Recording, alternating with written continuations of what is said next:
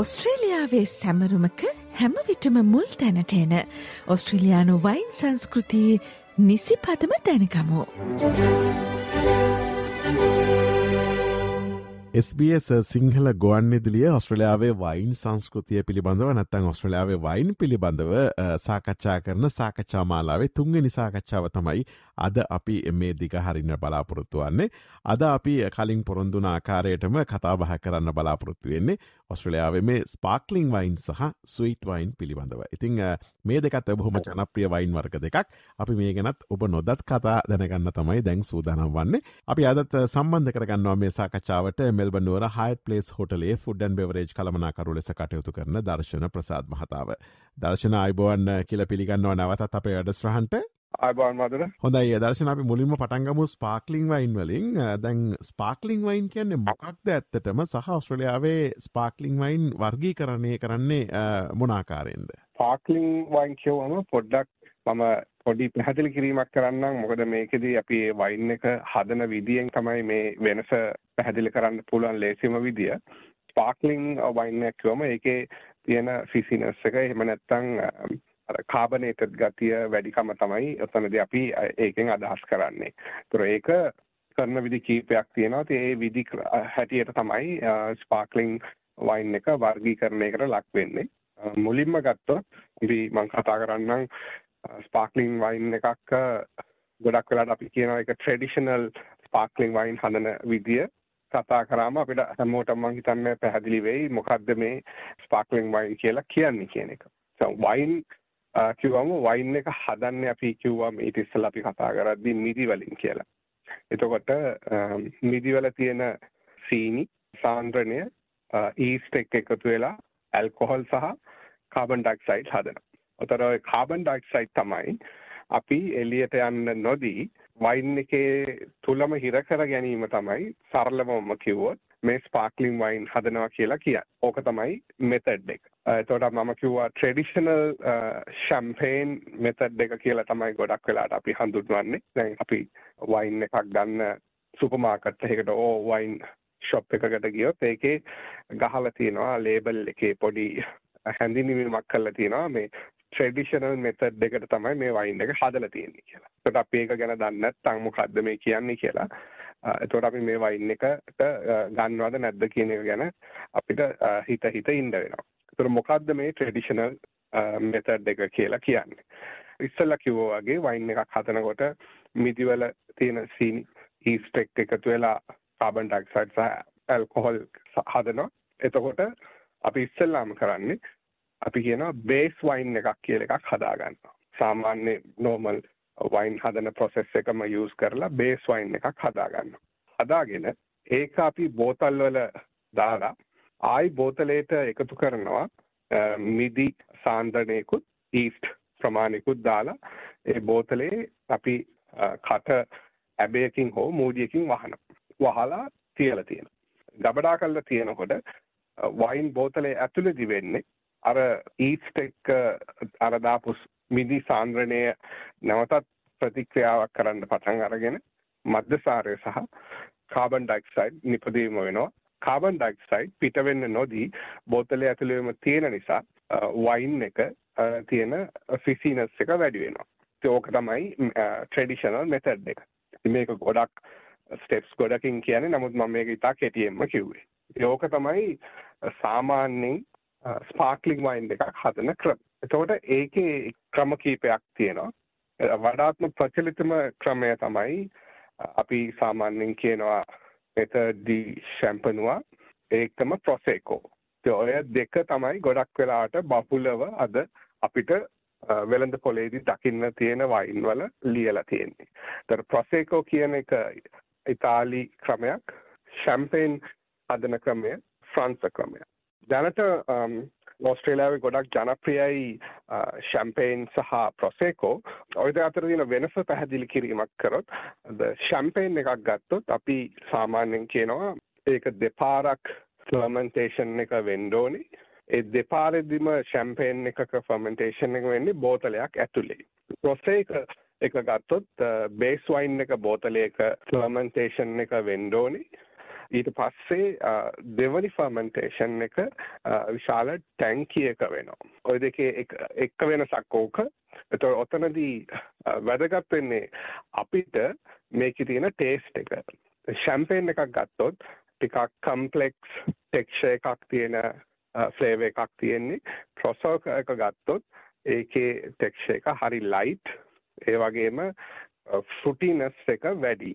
ඒකම මිල විදියට ගත්තොත් ෂැම්පේන් එක ටිකක් මිල අධිකයි මොකද ඒ ඒකට යන කාලය සහ ඒකට වැය කරන්න වෙන ශ්‍රමය වැඩි නිසා ප්‍රොසෙස එකක් ගත්තොත් ඒකේට යන වියදම ටිකක් අඩු නිසා මිල අතින් ගත්තත් අඩුවීමක් දෙකේ අතර වෙනස තියෙනවා. නමුත් ක්වොලිටි එක ගත්තොත් ඒ දෙකේ කිසිම වෙනසක් නැහැ.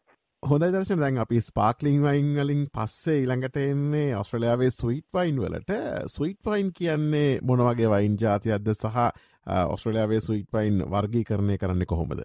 ඔව් ස්වීට් වයින් කියන එක ගත්තොත් මధుර ස්වීට් වයින් කියන්නේ වයින් එකක තියෙන අපි කියන රෙසිඩියල් ෂුගර් ලෙවල් එක අනුව තමයි අපි ස්වීට් වයින් එකක් කැටගරි කරන්නේ.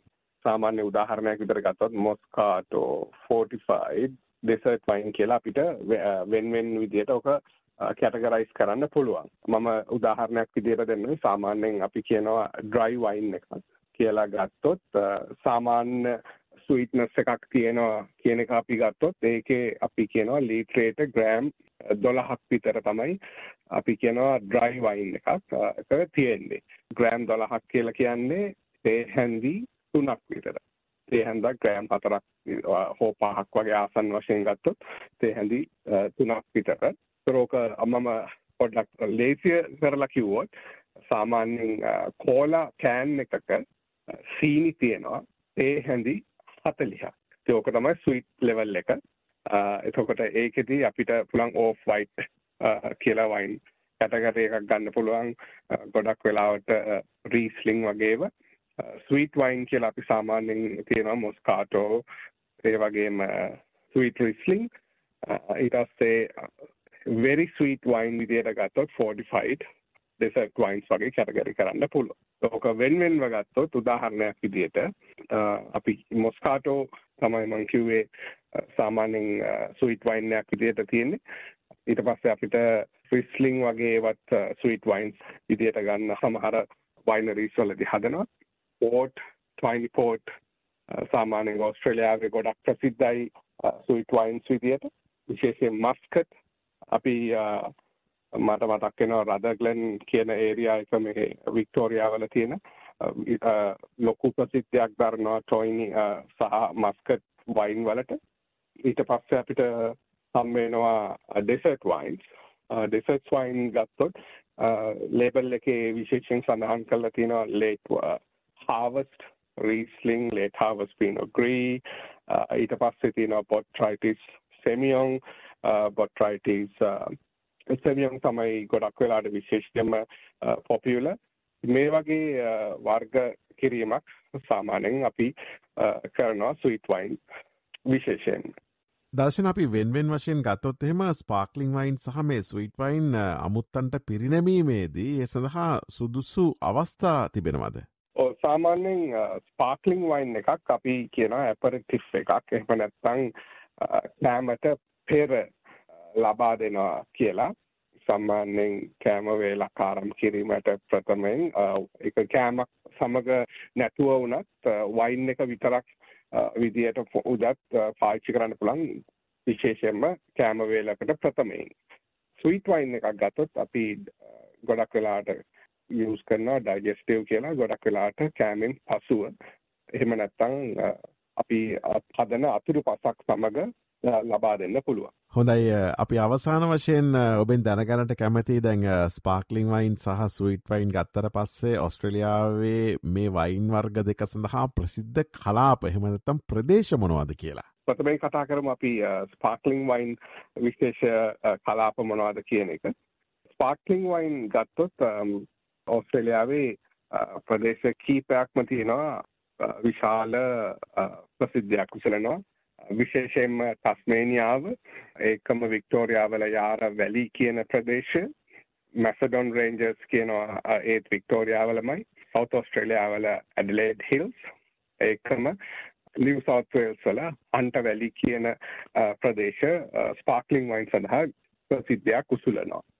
ස්වීට් වයින්ස් ගත්තොත් ඕනම කලාපෙක ස්වීට් වයින්ස් හදන්න පුළුවන්. නමුත් ඕස්ට්‍රේලියාවේ විශේෂයෙන්ම වික්ටෝරියා ප්‍රාන්තයේ තියෙන රදග්දන් කියන ප්‍රදේශය ස්වීට් වයින් සඳහා විශේෂ ප්‍රසිද්ධයක් උසුලනවා. ඔස්ට්‍රලයාාවේ වයින් සංස්කෘතිය පිළිබඳව ස්පේස් සිංහල ගුවන් ඉදිලිය ගෙනන සාකච්ඡාමාලාවේ තුන්ගනි සාකච්ඡාව නිමාවට පත් කරන්න අපි සූදාන වන්නේ අපි අධි දවසේදී අවධහන යොමු කරේ ඔස්ට්‍රලයාාවේ ස්පාක්ලිං වයින් සහ ස්වීට් වයින් පිළිබඳව මේ සාකච්ඡාවට අපිත් සමඟ සම්බන්ධනේ මෙල්බන්ඩුවර ෆුඩන් බෙවරේජ් කළමනාකරුවෙකු ලෙස කටයුතු කරන දර්ශන ප්‍රසාත් බහතා.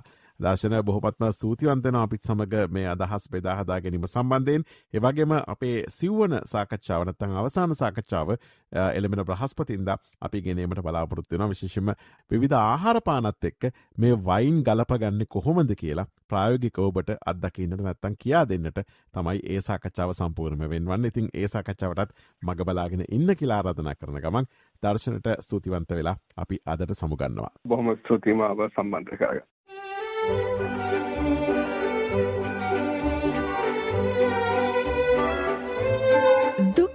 සතුට සමඟ ජීවිතය හා බැඳුණු ඔස්ට්‍රේලියාවේ වයින් ගැන ඔබ නොදත් කතා SBS සිංහල සේවෙන්.